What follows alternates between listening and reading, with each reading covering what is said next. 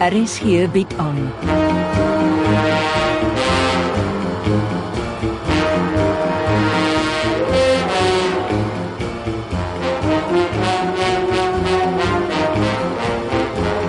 Agendas deur Jo Kleinhans.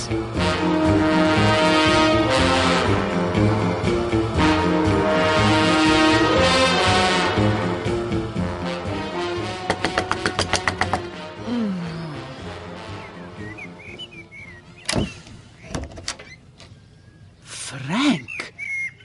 Die tyd van die oggend maak jy sommer jy's vroeg op my spoor. Kan ek uitkom? Uh, Natuurlik, uh, ek ekskuus. Dankie. Jy klink omgekramp. Kyk na vanoggend se voorwaartlerig in die oggendnuus. Twee moorde, een pistool. Matilda, het jy geweet dieselfde pistool is gebruik om albei die moorde te pleeg? Ja, maar ek het nie met die media gepraat nie. Is jy baie seker? Ek beloof jou dis nie ek nie, Frank, maar as ek mag vra, hoekom mag die media nie hiervan weet nie? Die polisie hou altyd sleutelinligting terug. Dit help hulle om die skuldige vas te trek. Ek het nie 'n losmond nie, Frank. Wie het jou vertel? Dit is eintlik nie mooi om dit vir ander te vertel nie. Die probleem is my kontak in die polisie het my gebel. Dit klink of hy my van die lekkasie verdink. En as ek jou sê wie my vertel het, weet die polisie dit en dan's hy in die moeilikheid.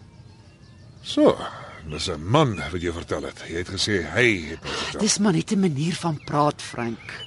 Nou eh uh, het jy dit dan by Debbie gehoor? Het sy daarvan geweet? Nee, sy het nie met my daaroor gepraat nie. Matilda, ek help jou waar ek En kan. ek is baie dankbaar daarvoor, regtig. Nou vertel my by wie jy gehoor het dieselfde pistool is gebruik om Jolandi en Werner te skiet. Ek beloof jou, ek hou dit vir myself. Goed, ek vertrou jou, Frank. Dit was Jasper die Jager.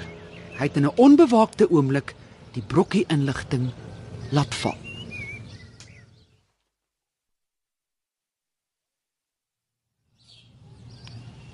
Môre Debbie, Matilda, ek het dan gesê ek sal jou bel. ek weet jou gastehuis is leeg. Die toergroep is weg. Jy is goed ingelig. Ek het vroegoggend jou eh, kombuismense gebel. Kan ek nie maar uh, jy sal nie eers weet ek is hier nie. Jy dra stories van my by Jasper die Jager aan, Soos wat? soos dat ek Neil Veldsmann ken. Ha, Dat ons mekaar soms vir koffie ontmoet en dat ek en die man konkel. Is dit wat Jasper die Jager jou vertel? Net jy het my en Neil saam gesien, Matilda. Hoe weet Jasper dit? Goed, ek het dit laat val, maar niks van die ander lot twak dat jy Neil konkel nie.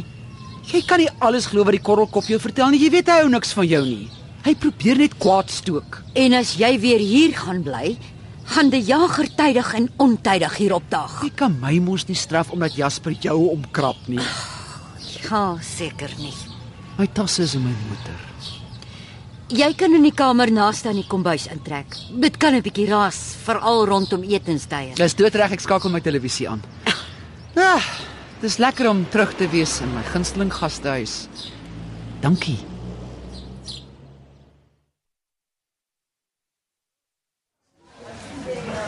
Moordek, ons kan nie op ons laure rus nie. Ek weet meneer, Ek is jammer jy moes nie koerant lees van die twee moorde een pistool. Sandra Beyers was nogal omgekrap toe ons afklim en die media was suin die nuus uit. Tussen my en jou. Jasper die Jager het dit in die pers gelek. Oh, natuurlik, wie dan anders? Jou man is heeltyd besig met sy eie agenda. Dis 'n belangrike feit wat ons in berekening moet bring.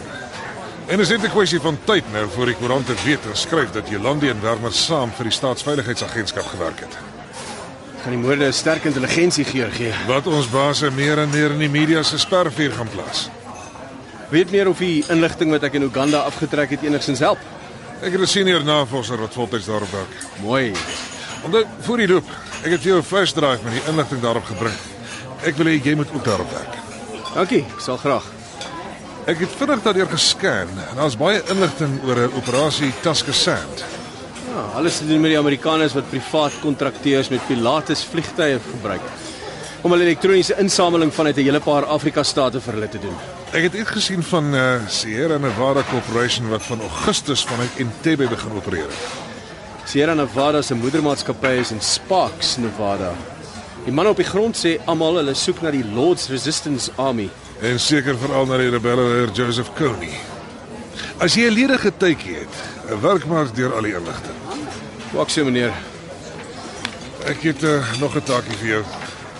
Kyk na die lys name. Was 'n suurslys. Die dag toe jy en my vrou saam gevlieg het, gebeur net toe.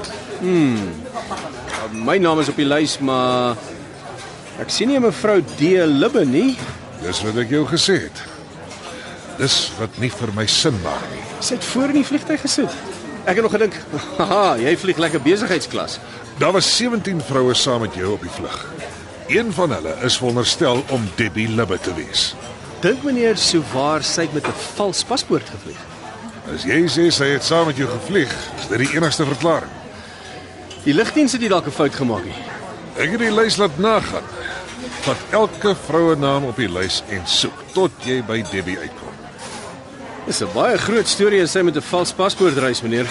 Ek begin al hoe meer vermoed my liewe eks is met groot stories besig. Soos wat, meneer? Krapmoordduik. En wat jy ook al uitkrap, ek wil weet wat dit is. Hou niks van my terug nie. En dis 'n opdrag.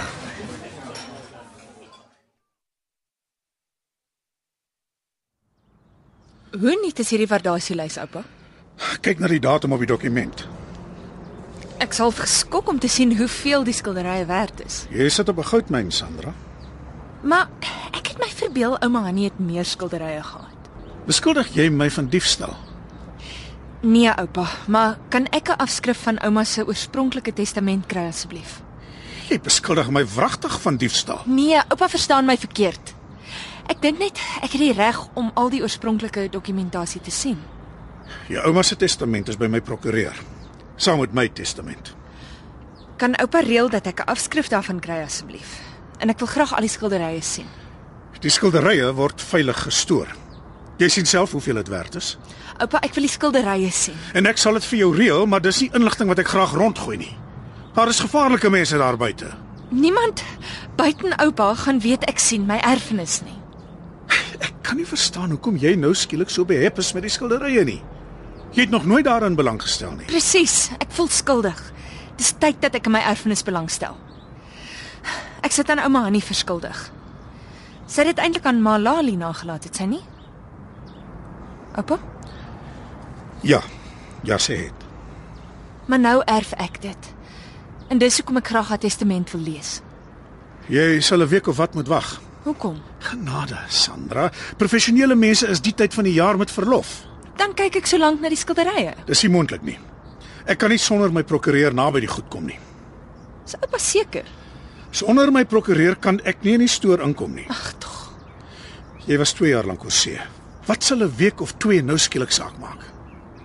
Laat weet my as die prokureur terug is. Skilderye is die laaste ding wat ek nou op my brein het.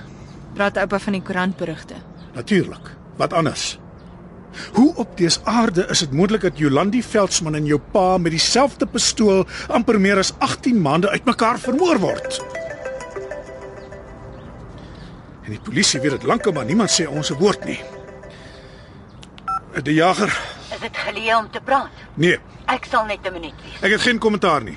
Gaan jou bankrekening na. 'n Kwart miljoen Britse pond sal daarin betaal word. My vriend werk op 'n wisselkoers van R20 vir 'n pond. Ek sê jou geen kommentaar nie. Dis al wat ek wou sê. Onthou, the deal is on, sir. Wie was dit? 'n Lastige koerantverslaggewer. Die koerantberig maak opslae.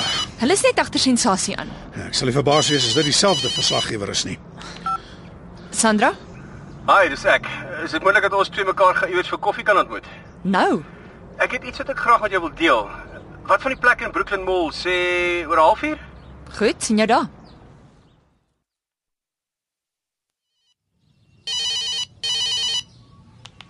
Matilda van Wyk, Hallo, gaan ons gou praat. is dit jy Frank? Skus. Waar's my maniere? Ja, dis ek. Ek het altyd tyd vir jou. Hoor ek reg? Is jy terug in Debbie se gastehuis? Ja, ek is sak en pak terug. Ek hou van die plek. Het Debbie jou gesê? Ek en Debbie het niks vir mekaar te sê nie, maar uh, ek sal graag 'n draai by jou wil kom maak. Jy's altyd welkom. Maar nie as Debbie daar is nie. Ons kan iewers anders ontmoet. Weet jy, ek verlang ook na die gastehuis. Eh, Bel my as hy ry, dan kom kuier ek. Wat sê jy daarvan? Dit sal lekker wees ek maak so. Eh dankie vir die lui Frank, ek waardeer dit. Regtig.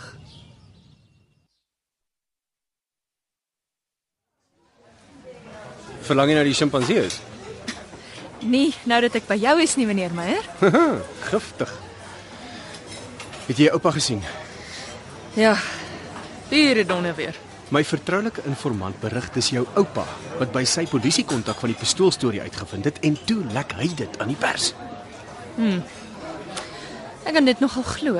Hy's ietwat verbitterd. Is dit hoekom jy my ontbied het na die koffiekroeg? Ja en nee. Net vir die rekord, ek het nie van die pistoolstorie geweet nie. Ek glo jou. Ek dink die koerante gaan begin spekuleer oor die feit dat beide my pa en Jolandi vir intelligensie gewerk het. Skerp opmerking, juffrou. Die vraag gaan gevra word is dit nie intelligensieverwante moorde nie? Hoekom is ek eintlik hier, meneer Moerdijk? Jy het lank Neil Veldsmann se boeke gedoen. Dis nie nuus nie. Het jy in jou boekhoutyd by Veldsmann op enige sake verbintenisse tussen jou oupa en Neil Veldsmann afgekom? Nee, beslis nie. Hoekom? Lei 'n maatskappy met die naam Hanlal 'n klokkie by jou. Handel. Nee, hoekom? Kyk bietjie hier. Hanlal behoort aan jou oupa en Hanlal doen besigheid met Neil Veldsmann.